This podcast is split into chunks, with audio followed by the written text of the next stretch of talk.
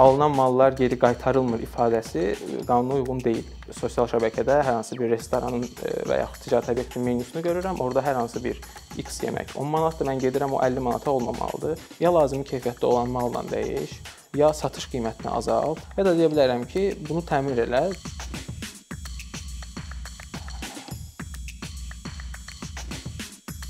Alınan mallar e, geri qaytarılmır. E, burada kartla ödəniş edə bilməzsiniz. E, demək olar ki, hər birimiz nə vaxtsa bu ifadələri eşitmişik və bu gün biz bu ifadələrin qanuni əsasları haqqında danışacağıq. Həm də ümumiyyətlə bizim bir istehlakçı olaraq hansı hüquqlarımız var? Bu mövzunu müzakirə edəcəyik. Bizi istehlakçı hüquqları mövzusunda hüquqşünas Rəşad Cahangirov maarifləndirəcək. Rəşad, xoş gəlmisiniz. Xoş gördük. Rəşad, istehlakçı hüquqları nədir?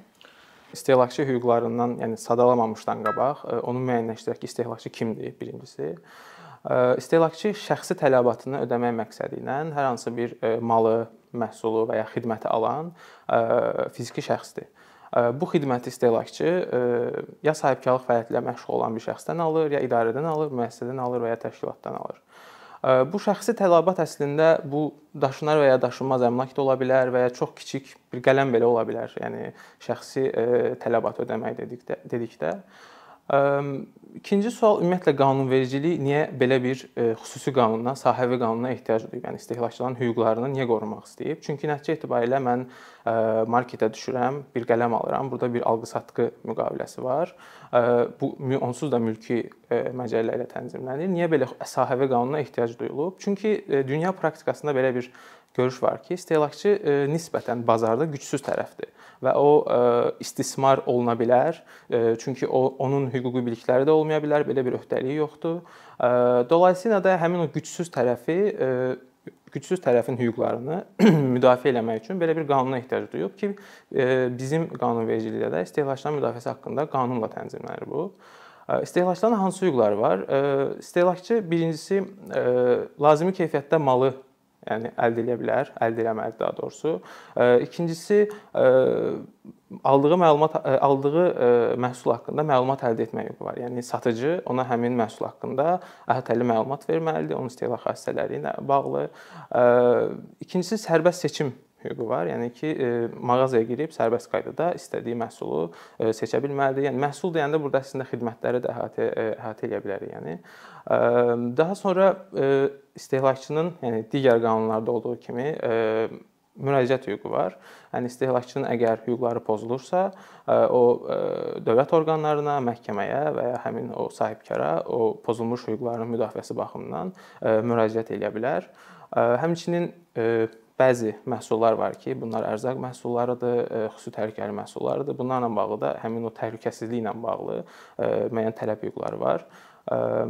İstehlakçının əsas hüquqları bunlardır. Təbii ki, yəni davam edən mərhələlərdə ümumiyyətlə bir çox hüquq münasibətlərində fərqli hüquqlar yarana bilər. Yəni bu reklam qanunvericiliyi ilə bağlı, yəni istehlakçı çaşdırılmamalıdır, dəqiq reklam istehlakçıya servis olunmalıdır və sair kimi hüquqları da var istehlakçının. Bəs mənim bir istehlakçı olaraq hüquqlarım pozulursa, hansı qurumlara müraciət etməliyəm? Ümumiyyətlə məncə yaxşı olar ki, birinci sahibkarla ünsiyyətə keçəsiniz.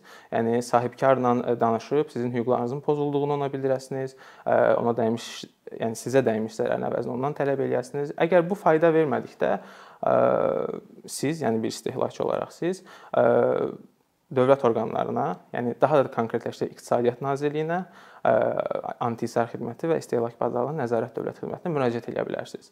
Ümumiyyətlə bunu aydınlaşdırmaq lazımdır ki, o həmin dövlət orqanının bu zərərin ödənilməsi ilə bağlı hər hansı bir öhdəlik yükləmə öhdəlik yükləmir, yəni belə deyim. Bu bir publik hüquqi münasibətdir. Siz ora müraciət edirsiniz ki, belə bir fakt var, mənim hüquqlarım pozulur. O faktı araşdırır, həmin satıcıya müəyyən cərimə tətbiq eləyir və ya maliyyə sanksiyası tətbiq eləyir. Dolayısıyla orada əslində sizin zərəriniz ödənməyə də bilər. Yəni ola bilər ki, satıcı ödəsin, ona görə onun işi xitam olunsun və s. amma ödənməyə də bilər. Dolayısıyla bu hallar üçün də ümumiyyətlə məhkəməyə müraciət etmək daha yaxşı variantdır. Çünki məhkəmə sizin sizə dəymiş maddi və ya mənəvi zərəri də ödənilməsini qarşı tərəfə yükləyə bilər, yəni. Bu əsas iki subyekt var müraciət üçün. Ola bilər ki, başqa dövlət orqanlarında müraciət yolları var. Yəni reklam agentliyinə müraciət oluna bilər, reklam qanunvericiliyinin pozuntusu ilə bağlı. Amma əsas istehlakçıların bu müraciət subyektləri bu iki subyekt, yəni müraciət olaraq. Ümumiyyətlə praktikada ən tez rastlaşdığınız hüquq pozuntuları bu sahədə hansılardır? Yəni yəni bir çox hüquq pozuntuları hal-hazırda rastlaşırıq, qarşılaşırıq yəni gündəlik həyatda da. Bunlardan əsas deyə biləcəyimiz dəyişdirmə ilə bağlı hüquq pozuntularıdır. Yəni istehlakçıların bu mənada hüquqları pozunur. Həmçinin qüsurlu məhsul satışı ilə bağlı və ya xidmət satışı ilə bağlı, yəni poz ə, xidmət satışı ilə bağlı hüquq pozuntuları da rastlaşırıq. Onun o necə tənzimlənməlidir, o dəymiş zərər necə ödənilməlidir satıcılar tərəfindən, ə, o məsələlərdə müəyyən hüquq pozuntuları var. Ə, eyni zamanda reklam qanunvericiliyi ilə bağlı da yenə də qeyd elədiyim kimi müəyyən pozuntular var. Biz e, davamlı olaraq, yəni istehlak etdiyimiz şeylər yenilənir, dəyişir, yeni şeylər əlavə olunur. Dolayısıyla sahibkarlar da diqqətli olmalıdırlar reklam hazırlayanda və yayımlayanda. E, bu istehlakçını çaşdırmamalıdır. Yəni e, belə deyim, mən hər hansı bir yəni, sosial şəbəkədə hər hansı bir restoranın e, və yaxud ticarət obyektinin menyusunu görürəm. Orada hər hansı bir X yemək 10 manatdır. Mən gedirəm o 50 manata olmamalıdır. Yəni onlar hüquqda buna ofertaya dəvət deyirlər. Yəni onlar məni e, dəvət eləyiblər 10 manata, amma mən gedirəm orada 50 manatdır. Burada istehlakçı çaşdırılır. Bu hallarda e, istehlakçı hüquqları haqqında qanundan əlavə haqsız rəqabət haqqında qanununda pozuntusu ə, hesab olunur və ayrıca bir maliyyə sanksiyası tətbiq olunur bu məsələ ilə bağlı. Onun üçün istehlakçılar həm də öz hüquqlarının müdafiəsi, mənafesi baxımından, yəni öz mənafeləri baxımından diqqətli olmalıdırlar bu məsələlərdə. Sonra məsələn bu ictimai yaşayış obyektlərində biz gedirik e, və görürük ki, xidmət haqqıdan əlavə 5%, 10% də bizdən tələb eləyirlər. O nə dərəcədə, yəni qanuni əsasları varmı bunu tələb etməyə? Ödəməsək nə olar? Əslində ictimai yaşayış obyektinin elə bir e, hüququ yoxdur. Bu məsələ əvvəlcədən müəyyənləşdirilməlidir. Yəni e, mən o xidməti almağa gedirəm istehlakçı olaraq. O mənə əvvəlcədən məlumat verilməlidir. Əgər belə bir məlumat mənə verilməyibsə, əlavə servis haqqı dediyimiz o məbləğin tətbiq olunması və mənim onu ödəməyim ödəməkdə borclu deyiləm və tətbiq olunması da hüquqi deyil. Bir növ yəni şifahi müqavilə bağlamış. Şifahi müqavilə. Əvvəlcədən onu mənə bəyan eləsə ki, bizim o 5% və ya 10%lik bir servis haqqımız var mən onu qəbul eləyirəm, yəni şifahi müqavilə bağlayırıq. O halda ola bilər təbii ki, normaldır. Əgər onu mənə bəyan eləməyibsə, hər hansı bir üsul və vasitə ilə elə bir servis haqqının tətbiq olunması uyğun deyil. Sonra məsələn, müəyyən yerlərdə kartla ödəniş eləyə bilmirik hələ də. Bununla bağlı ümumiyyətlə qanunvericilik sahibkarların üzərinə hansı öhdəliklər qoyur nağdsız ödənişlərlə bağlı və ümumiyyətlə ödəniş üsulları ilə bağlı? Ümumiyyətlə nağdsız ödənişlərlə bağlı sahibkarların öhdəlikləri var, yəni post terminalların quraşdırılması ilə bağlı. Amma burada hər bir sahibkarın belə bir öhdəliyi var demək düzgün deyil. Bu da Qanunvericilik Nazirlər Kabinetinin qərarı ilə tənzimlənir. Yəni Nazirlər Kabinetinin qərarında göstərilir ki, istirahət və əyləncə obyekti işlədirsənsə, belə deyək, daha kobud dildə, ə, səhiyyə obyekti və ya aviabiletlərin satışı ilə məşğulsansa, avtomobil və ya mebel satışı ilə məşğulsansa, yəni daha da konkretləşdirsə, dövriyən çoxdursa, belə deyək, sən mütləq post terminal quraşdırmalısan. Bu dövriyə də müəyyənləşdirilib 2000 manat. Yəni sənin rübli orta aylıq dövriyən, yəni aylıq orta dövriyən 2000 manatdan yuxarıdırsa, sən mütləq post terminal quraşdırmalısan. Dolayısıyla ümumiyyətlə bütün sahibkarlara belə bir şey, bütün sahibkarların belə bir öhdəliyi var demək doğru deyil. Yəni hər hansı bir məhəllə marketinin çox balaca aylıq dövrəsi 500 min manat olan bir marketin belə bir öhdəliyi yoxdur əslində. Hə, həmçinin yəni ticarət obyektlərindən, yəni sahibkarlardan əlavə dövlət orqanlarında, yəni vergi qəbul edən və dövlət rüsumunu ödədiyimiz dövlət orqanlarının da mütləq post terminalları olmalıdır nağdsız qaydada ödənişləri həyata keçirə bilmək üçün. Bəs bəzi mağazalarda alınan mallar geri qaytarılmır, qaytarılmır. Lövhələr olur. Qanuni əsasları varmı? O ən çox qarşılaşılan problemlərdən biridir, çünki hələ də bir çox yerdə ondan rastlaşırıq. Əslində bunu əvvəlcə istehlakçıların hüquqları baxımından yox, mülki münasibət baxımından ilk dəyərləndirək. Deyək ki, belə bir ümumiyyətlə qanun yoxdur. Mən girmişəm mağazaya, hər hansı bir qələm alacağam 1 manata. Mən o yazını tutaq ki, görürəm və ya görmürəm. Tutaq ki, görürəm, heç bir şey ifadə eləmirəm. 1 manat verirəm, qələmimi alıram, mağazadan çıxıram. Mən mütləq onu razılıq ifadə etməliyəm. Mən ona razılıq, yəni susmaq razılıq demək deyil. Mən ona razılıq ifadə eləməmişəmsə, bu şifahi müqavilədə onun hüquqi bir əsası yoxdur. Yəni hüquqi bir əhəmiyyət kəsb eləmir o lövhənin qoyulmağı.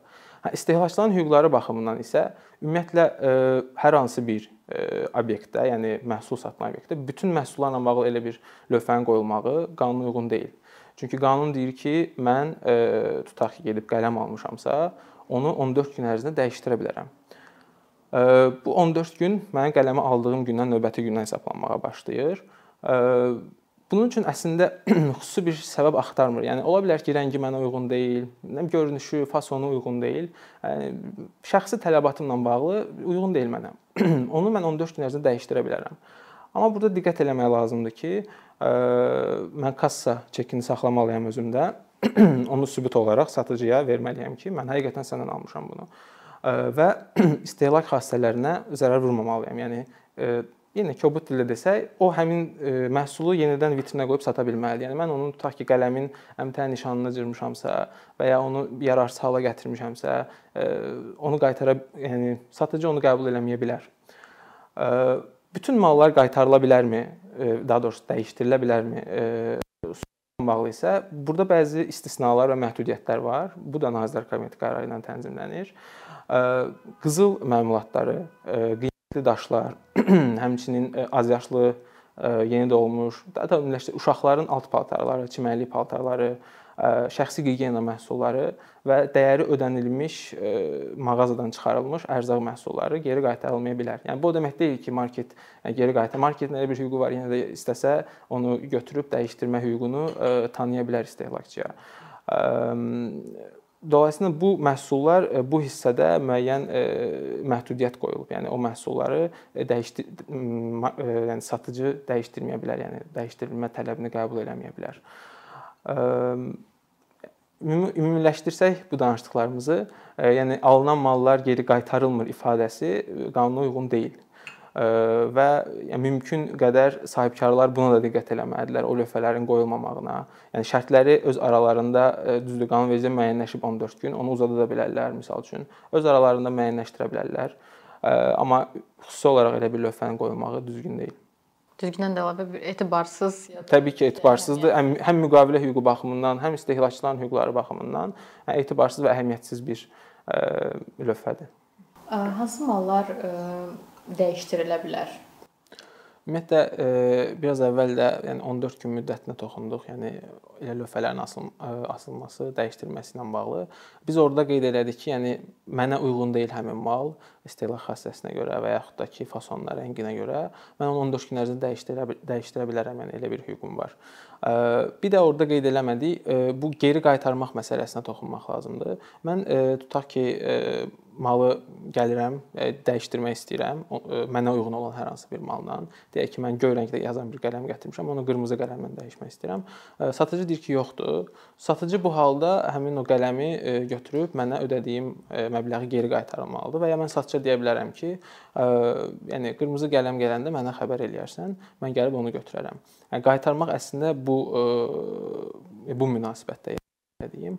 Ümumilikdə dəyişdirməklə bağlı isə bu 14 günü bir kənara qoysaq, təbii ki, yəni hamımız rastlaşırıq. Məhsullarda müəyyən qüsurlar aşkarlana bilər. Bu zəmanət müddətində, yararlılıq müddətində ola bilər. Yəni bu qüsurlar aşkarlandıqda mən bir istehlakçı kimi gedib satıcıya deyə bilərəm ki, həmin malı ya lazımi keyfiyyətdə olan malla dəyiş, ya satış qiymətini azalt, yəni mən verdiyim məbləğin bir hissəsini mənə geri qaytar, ya da deyə bilərəm ki, bunu təmir elə, çünki yəni zəmanət müddəti ərzində burada qüsur aşkarlanıb, sən bunu təmir elə. Tutaq ki, yəni bir nümunə üzərindən gedək. Mən maşın almışam. Maşın üçün mənə 2 illik zəmanət müddəti verilib. Yəni mən 6 aydan sonra müəyyən qüsur aşkarlanıb. Yəni hansısa bir texniki bir problem aşkarlanıb. O zaman satıcı baxır, tutaq ki, servis deyir ki, bu maşın 2 aya təmir olunacaq. O hallarda mütləq məni ona oxşar malla, yəni ona oxşar bir maşınla təmin etməliyəm. Yəni mən maşınsız onun qüsuruna görə qalmamalıyam. Tutaq ki, təmin eləmədi, onda nə olacaq? Təmin eləmədiyi təqdirdə 14 gündən sonra hər bir gün 1% dəbbə pulu əlavə olunur. Bu 1% satış qiymətinin 1% miqdarında dəbbə pulu və ya ümumiləşdirsə yəni bir cərimə ona ə, e, təyin oluna bilər, tətbiq oluna bilər. Yəni istehlakçının belə bir hüququ yaranır. Ə, e, qüsurlu mallarla bağlı. Amma burada ə, e, diqqət olunmalı bir məqam var. Yəni tutaq ki, həm bu 14 gün məsələsində də qeyd eləmişdim. Burada da ə, satıcı ola bilər ki, desin ki, yəni mənim sənə verdiyim zəmanət çərçivəsində deyil bu qüsur. Sən özün düzgün istifadə eləməmisən. Məsəl üçün maşın nümunəsindən getsək, vaxtı-vaxtında ehtiyat hissələrini dəyişməmisən. Ə, dolayısıyla da bu texniki qüsur yaranıb. Əgər satıcı həqiqətən bunu sübut edə bilirsə, o ə, bu ə, belə deyim, tələbləri dəyişdirməklə bağlı tələbləri qəbul eləməyə bilər. Qanunvericilikdə mütləq zəmanət verilməli mallar nəzərdə tutulub yoxsa varsa hansılardır? Belə deyim, yaxşı olar ki, yenə də sahibkarlar və e, istehlakçılar e, öz aralarında bunu müəyyənləşdirsinlər, yəni zəmanət müddətini. E, zəmanət müddəti müəyyənləşdirməsə, tutaq ki, deyək ki, müəyyənləşdirilməyib, onda burada nə baş verəcək? Burada iste, yəni mülki məcəlləyə istinad etməliyik. Çünki mülki məcəllə alqı-satqı müqaviləsində deyir ki, əgər tərəflər zəmanət müddəti qoymayıbsa, 2 il ərzində alıcı iddia tələbi irəli sürə bilər. Yəni qüsur aşkarlanırsa. Ümumiyyətlə zəmanət müddətində də istehlakçılar diqqətli olmalıdır. Yəni nəyə zəmanət verilməli verildiyini bilməlidirlər. Yəni bu onlar gələcəkdə qarşılaşa biləcəyi risklərin qarşısını almaq üçündür. Yəni dəqiq bilməlidirlər ki, hansı baxımdan zəmanət verilir və zəmanətlə bağlı ümumiyyətlə belə deyək də zəmanəti normativ anlayışdan biraz kənara çıxardaq, adi bizim bildiyimiz zəmanət sözü, onu iki hissəyə bölmək olar. Yararlılıq müddəti, digəri isə zəmanət. Yararlılıq müddəti əsasən ərzaq mallarında və təhlükəli dediyimiz, yəni təhlükə yarada biləcək insan sağlamlığı üçün mallarda nəzərdə tutulub. Həmin o yararlılıq müddəti malın, yəni əşyanın üstündə göstərilir və o mütləq göstərilməlidir. Yararlılıq müddəti keçmiş əşyanın satışı bir qayda olaraq qadağan olunur və həmin müəssisə, təşkilat məsuliyyətə cəlb oluna bilər. Zəmanət müddəti ilə bağlı isə xüsusi olaraq öhdəlik istifadə edilmiş mürəkkəb texniki məmulatlarla bağlıdır. Yəni daha kobud desək, ikinci əl elektronik mallar sat satan zaman mütləq sahibkar zəmanət talonu verməlidir və orada göstərməlidir müddəti. Digər məhsullarla bağlı belə bir öhdəlik olmasa belə, yenə də mülki məcəllə bunu tənzimləyir və 2 il hər bir məhsul üçün yəni qarantiya müddəti tanıyır. Hə onu tərəflər 1 ilə də endirə bilərlər, 6 aya da endirə bilərlər. Bu artıq yəni müqavilə münasibətinə girir, yəni digər kontekstdə daxil olur. Aydındır. Ümumiyyətlə Azərbaycanda istehlakçı hüquqları sahəsində qanunvericilik qənaətbəxşdir sizcə? Qanunvericilik e, qanunvericinin tətbiqi baxımından fikirləşsək, yəni bunu birinci sahibkar baxımından düşünək ki, sahibkarlar tətbiq eləyirlərmi? Əslində yəni bir inkişaf dinamikası var, düzdür, amma ə, e, ümumilikdə hələ də o sizin bayaqda qeyd etdiyiniz kimi o lövhələri görə bilirik. Məsəl üçün e, qeyri-dəqiq reklamları görə bilirik. Yəni demirəm ki, niyyət burada aldatmaq, çaşdırmaqdır, o olmaya da bilər. Sadəcə e, qeyri-dəqiq reklamlar və ya yanıldıcı, çaşdırıcı, yəni istehlakçını çaşdırmağa yönəlik müəyyən reklamlar görə bilirik. Dolayısıyla yenə də əvvəl dediyim kimi təkrar edeyim ki, bu məsələdə sahibkarlar istehlakçılar baxımından yox, öz mənafeləri baxımından diqqətli olmalıdırlar. Digər məsələ də yəni icra hakimiyyəti, mərkəzi icra hakimiyyəti orqanı və məhkəmə məsələsində necə tətbiq olunur? Ümumiyyətlə bir qayda olaraq müraciətlər baxılır. Bir çox hallarda inzibati tənbeh olsun və yaxud da ki maliyyə sanksiyaları olsun, yəni anti-inhisar icraatı baxımından maliyyə sanksiyaları olsun, tətbiq olunur. Amma yəni yenə də təkrar eləyim ki, bu cərimənin tətbiq olunması o istehlakçının kompensasiya eləmir.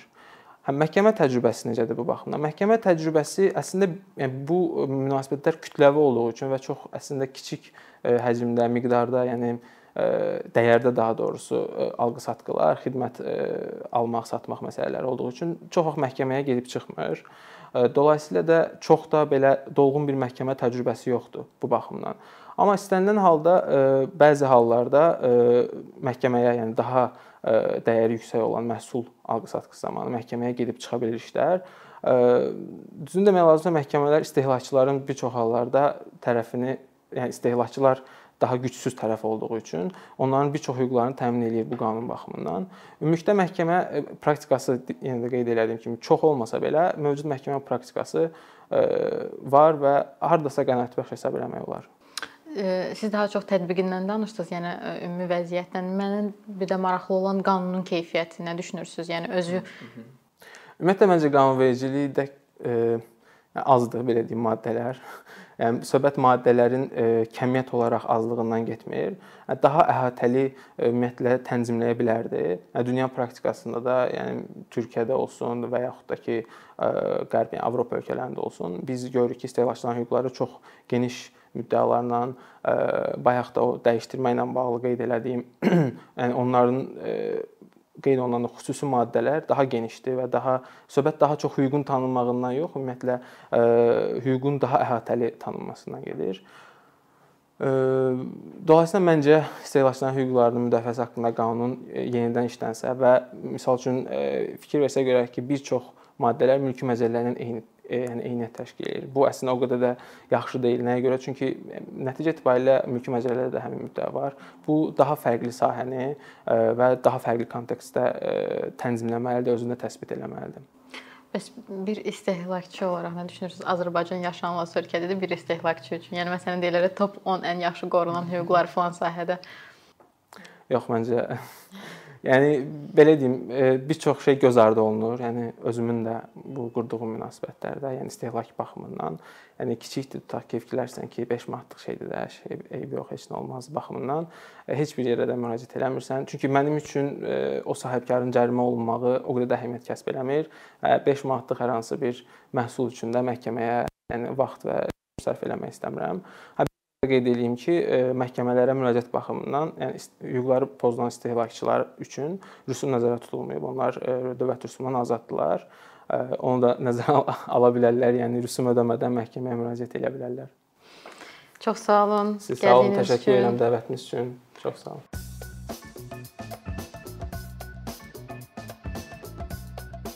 Bir neçə ildir ki, əkinçi olaraq azərbaycanlı izləyicilərin hər zaman faydalana biləcəyi keyfiyyətli və ən əsas ödənişsiz kontent hazırlamağa çalışırıq. İndiyədək təqdim etdiyimiz onlarla animasiya və yüzlərlə çəkilişlər tələbələrin, mütəxəssislərin, müəllimlərin və ümumiyyətlə yeni mövzulardan xəbərdar olmaq istəyən çox sayda insanın marağına səbəb olub. Bu illər ərzində hazırladığımız videolar təhsil, texnologiya, ictimai fəallıq, iqtisadiyyat, gender bərabərliyi, ətraf mühit, ifadə ifadə azadlığı, hüquq, demokratik inkişaf, mədəniyyət və digər mövzuları əhatə edib. Məqsədimiz çoxlu baxış gətirən deyil, çoxlu fayda gətirən videolar hazırlamaqdır. Amma bu düşündüyümüz qədər asan deyilmiş. Gördüyümüz iş kifayət qədər resurs, əmək və təbii ki, davamlılıq tələb edir. Bu səbəbdən Patreon platformasından istifadəyə başladıq. Əkinçinin Patreon hesabının populyarlaşmasına çox böyük ümidlərimiz və gözləntilərimiz var. Bəziləriniz Patreon haqqında ilk dəfə eşidirsiniz. Əslində çox sadə izahı olan bir platformadır. Təsəvvür edin ki, siz rəssam və ya musiqiçisiz. Sosial şəbəkələrdə sizi izləyən, işinizi bəyənən çox sayda insan var. Patreon platforması sizə imkan verir ki, izləyicilərinizin könüllü aylıq ödənişləri sayəsində işinizi davam etdirəsiz. Sərgi, konsert zallarından asılı qalmayasınız. Amma bu təkcə rəssam və musiqiçilərə aid deyil. Məsələn, əkinçiyə bənzər fəaliyyətlə məşğul olan bəzi layihələrin 10 minlərlə patronu var. Biz də düşündük ki, nə üçün əkinçinin Patreon hesabı olmasın? Sizin dəstəyiniz sayəsində sayəsində biz daha çox və daha keyfiyyətli kontent yaratmağa davam edə biləcəyik. Amma bu dəstək yalnız maddi dəstək deyil. Dəstəkçilərimizin sayının artması gördüyümüz işlərin faydalı olduğuna dair əminlik verir. Patreon platformasından istifadə çox sadədir. Hesabınızı açırsınız, sizə uyğun dəstək növünü seçirsiniz və Patreon özü hər ayın ilk günü kartınızdan seçdiyiniz dəstək növünə uyğun ödəniş tutur. Bu qədər. Sonda onu demək istəyirik ki, dəstəkçilərin sırasına qoşulmaq istəyən, amma məhdud imkana görə bunu edə bilməyənlər narahat olmasın. Daha öncə dediyimiz kimi, bizim əsas məqsədimiz daha çox insanın hər zaman faydalana biləcəyi keyfiyyətli və ödənişsiz kontentin yaradılmasıdır. Bunun üçün mütləq patronumuz patronumuz olmalısınız deyə məcburiyyət yoxdur. Amma imkanınız patron olmağa çatırsa və bizim işimizi bəyənirsinizsə, patronlarımızın sırasına qoşulmağınız bizim üçün çox önəmlidir.